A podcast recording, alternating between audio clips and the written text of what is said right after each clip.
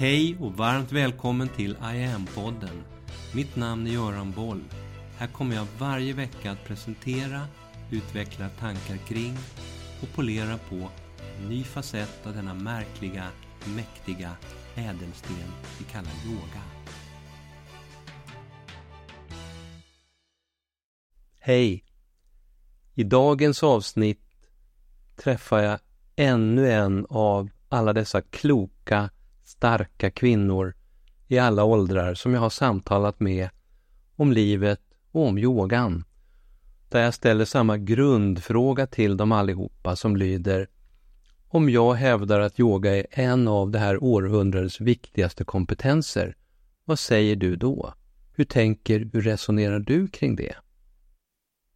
Tidigare i den här serien med intressanta möten så har jag träffat ett tjugotal kloka, starka kvinnor.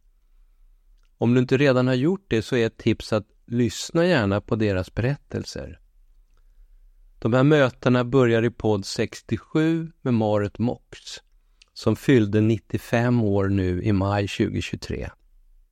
Och sen rullar de på varannan vecka fram till podd 97, mötet med Karina Nimmersjö i podd 100 var Sara Miljoni livegäst i studion och i podd 104 träffade jag Stina Andersson som brinner för både yoga och ayurveda.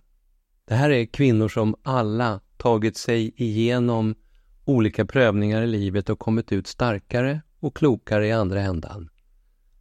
Där yoga och meditation löper som röda trådar genom deras olika livshistorier vilket också i deras berättelser om och om igen påtalas och lyfts av dem som starkt bidragande eller kanske till och med helt centrala i de processer som burit och lyft dem genom det svåra i sina liv.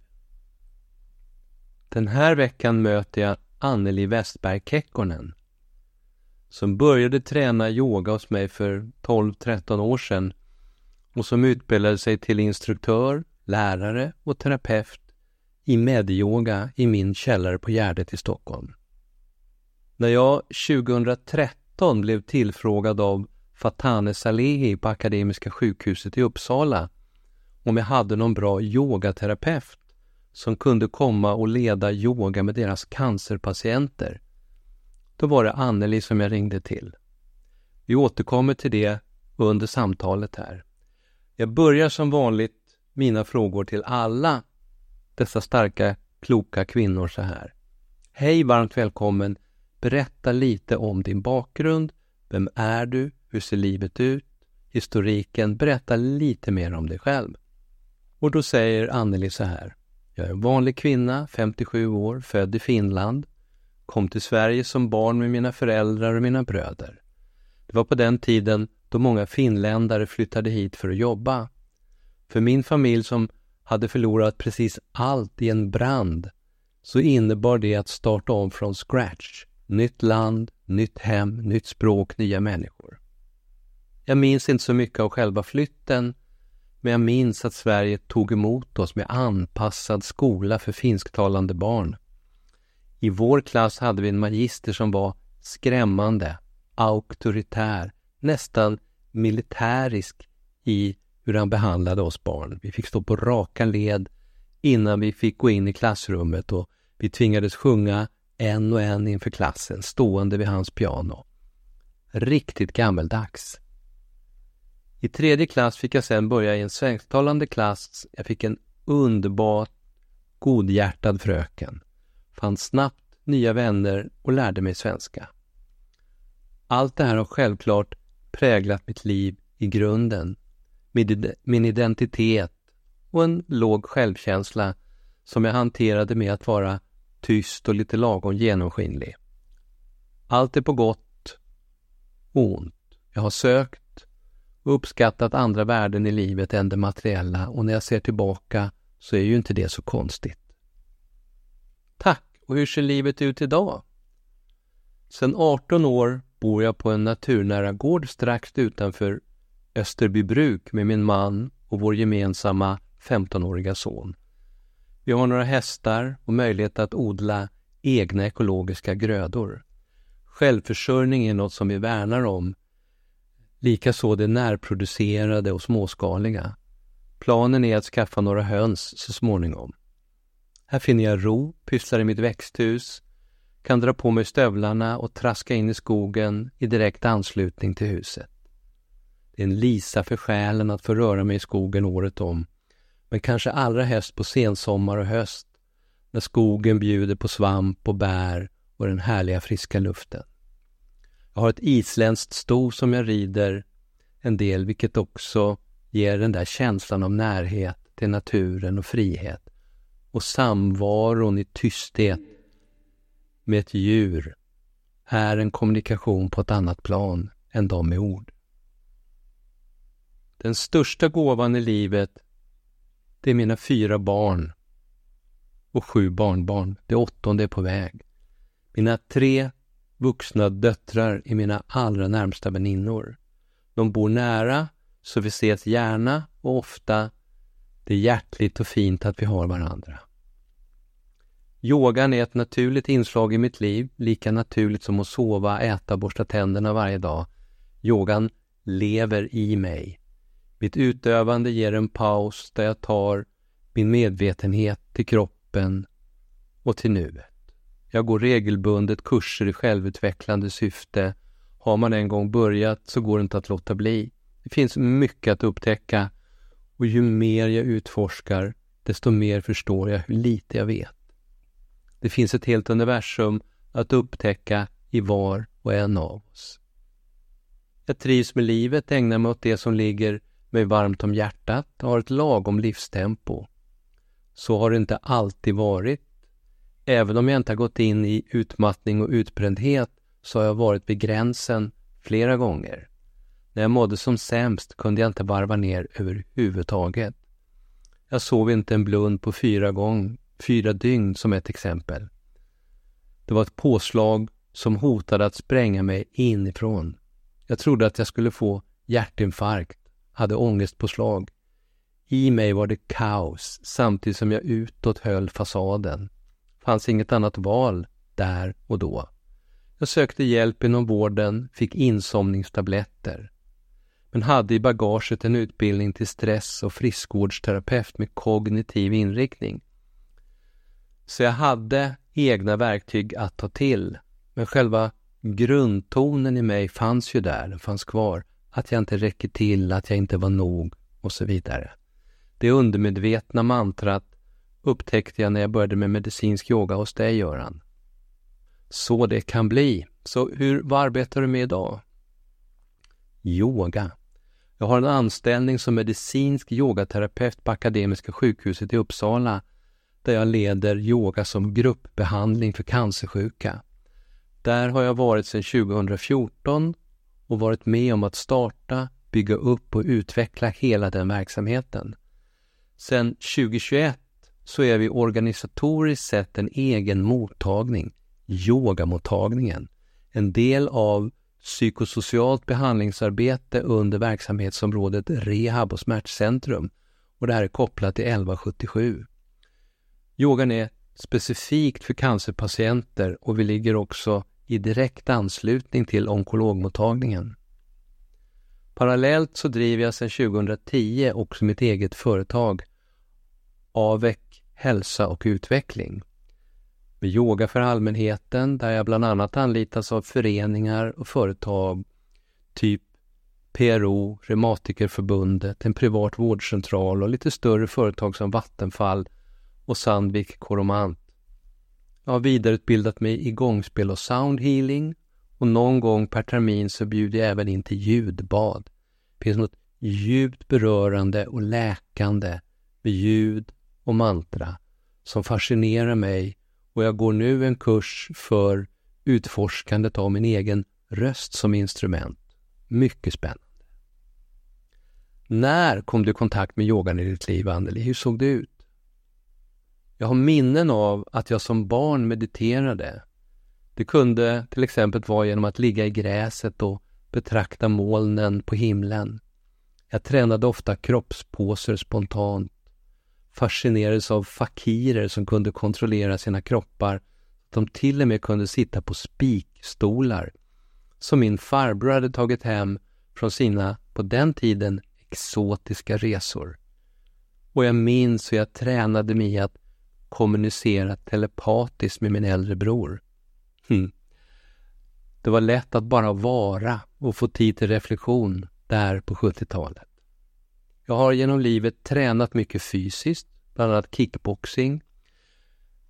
Jag var bra på att driva kroppen hårt samtidigt som jag inte hade tillgång till lugn och återhämtning.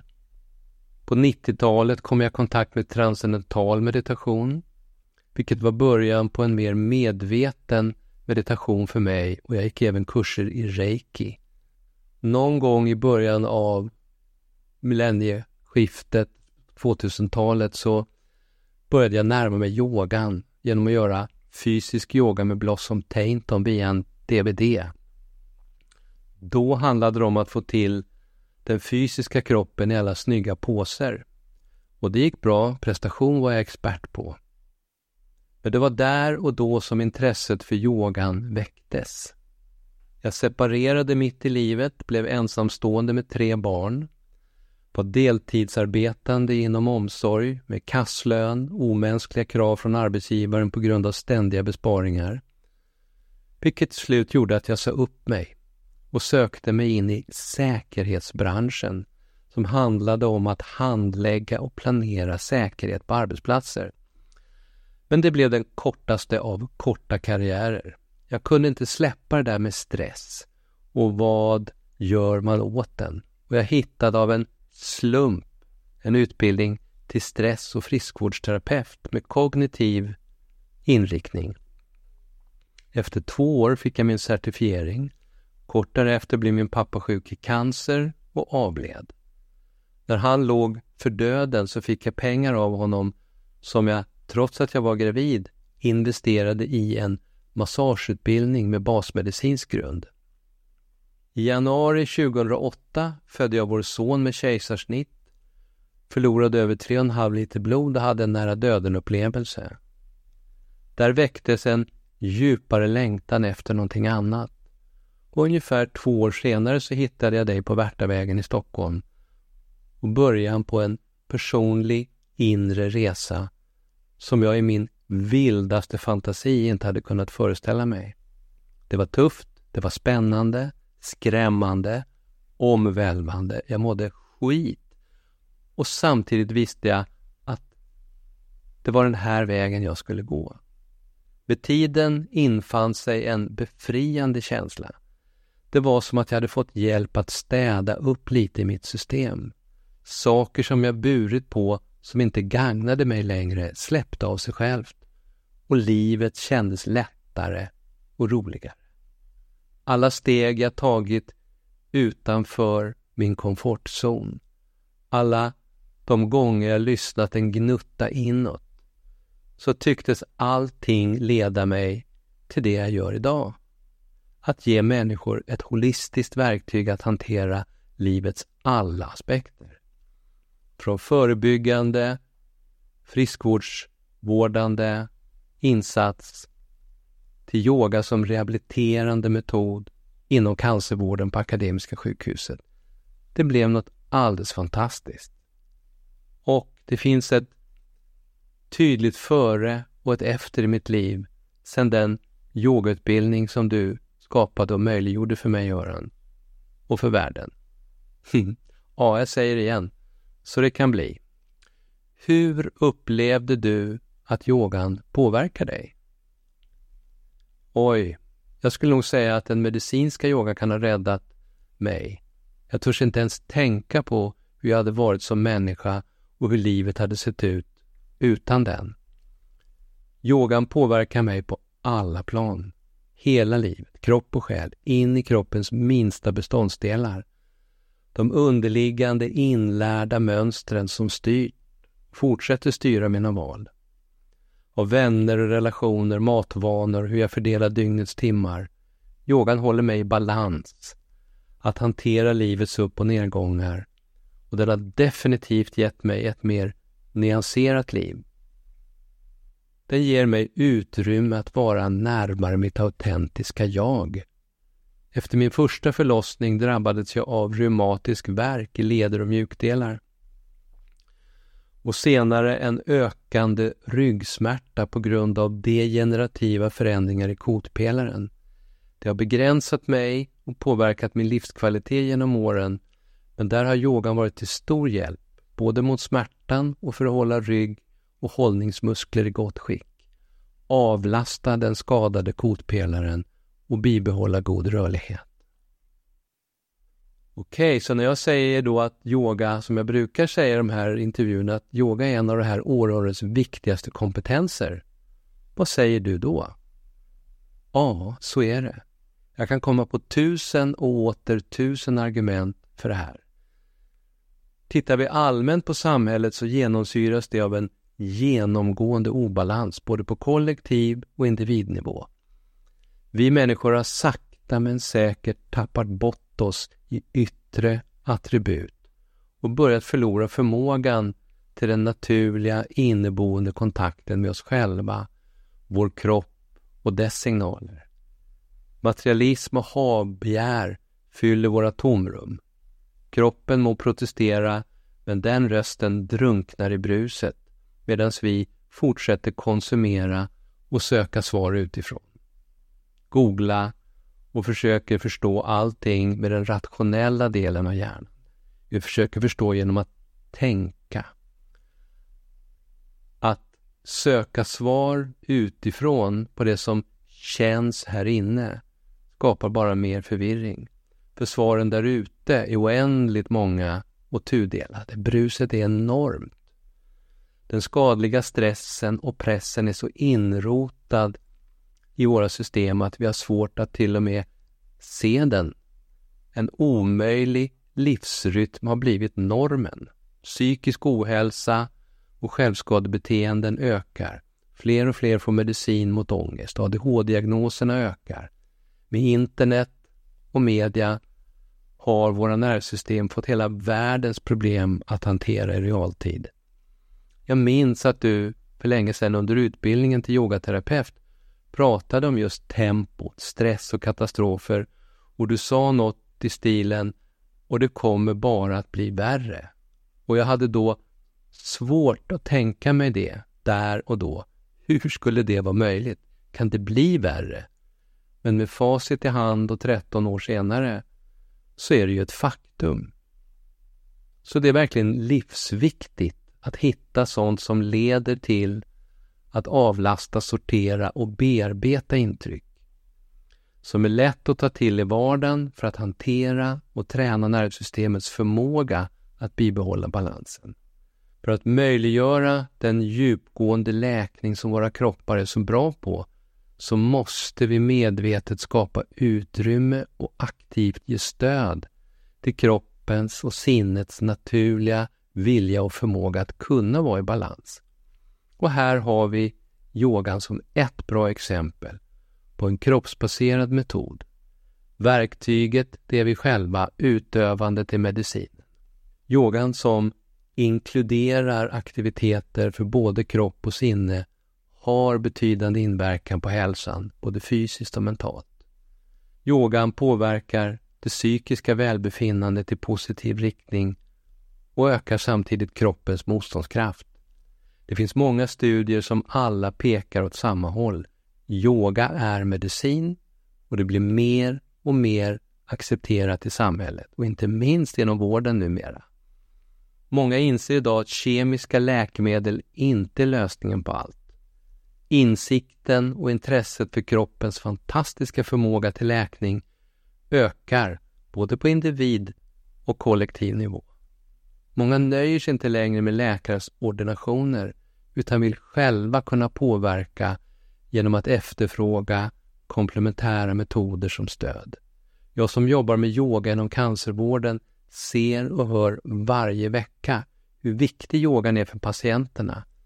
Många gånger avgörande för att förbättra livskvaliteten under tuffa behandlingar och som hjälp under en väldigt omvälvande tid för dem. Ett verktyg som alltid finns tillgängligt och som dessutom är utan biverkningar. Yoga är definitivt en av det här århundradets viktigaste kompetenser och den kommer med all säkerhet att bli ännu viktigare framöver. Fint! Är det något annat du vill lägga till som avslutning? Ja, jag vill tacka dig Göran för det du har skapat. Att du förpackat yogan utifrån dess grundprinciper och pedagogik. Att du finslipade och förde den samman med den vetenskapliga medicinen i väst. Så avslutar Anneli den här intressanta intervjun. Tack Anneli! På IAMs hemsida iamyoga.online så handlar hela online om hur du yogiskt kan arbeta med dig själv och din hälsa. Om hur viktig och kraftfull som en inifrån balanserande, lyftande och medvetandegörande kraft som yoga meditation kan vara när du öppnar upp för och släpper in de här facetterna i ditt liv. Hela sajten, hela tjänsten som syftar till att spegla de centrala aspekterna av vad yoga meditation är och kan vara i dagens värld. Hela den verktygslådan fortsätter nu att fyllas på och utvecklas. Här kan du redan nu, utan förpliktelser, testa IAM på egen hand. De första veckorna är helt kostnadsfria och det är ingen bindningstid. Och här finns mycket att välja mellan. Enstaka övningar, kortare sekvenser, längre pass, hela kurser, workshops, självstudiekurser. Du kan boka en enskild session med mig, lyssna på vacker meditationsmusik och mycket annat. Hör av dig om du har frågor eller reflektioner kring allt det här. Du hittar kontaktformulär på hemsidan. Du kan också gå in och kommentera via IAMs sociala medier. Varmt välkommen att testa en av det här århundradets viktigaste kompetenser. Vi hörs! Mitt namn är Göran Boll. Det var jag som skapade Medyoga och grundade Medyoga-institutet. Sedan 90-talet och framåt har jag introducerat yoga i näringslivet, in i svensk forskning och in i den svenska hälso och sjukvården där Sverige idag är världsledande på yoga direkt för patienter. Framtiden för mig handlar om I am. Yoga för medvetenhet och hälsa. Läs mer om kurser, online-träning, utbildningar med mera på hemsidan iamyoga.online. Följ oss gärna på sociala medier och tycker du om de här poddarna så tar jag tacksamt emot om du vill gå in på iTunes, Spotify och där poddar finns och ge mig ett betyg så vi blir fler som hittar in i yogans värld. För att du lyssnar och delar.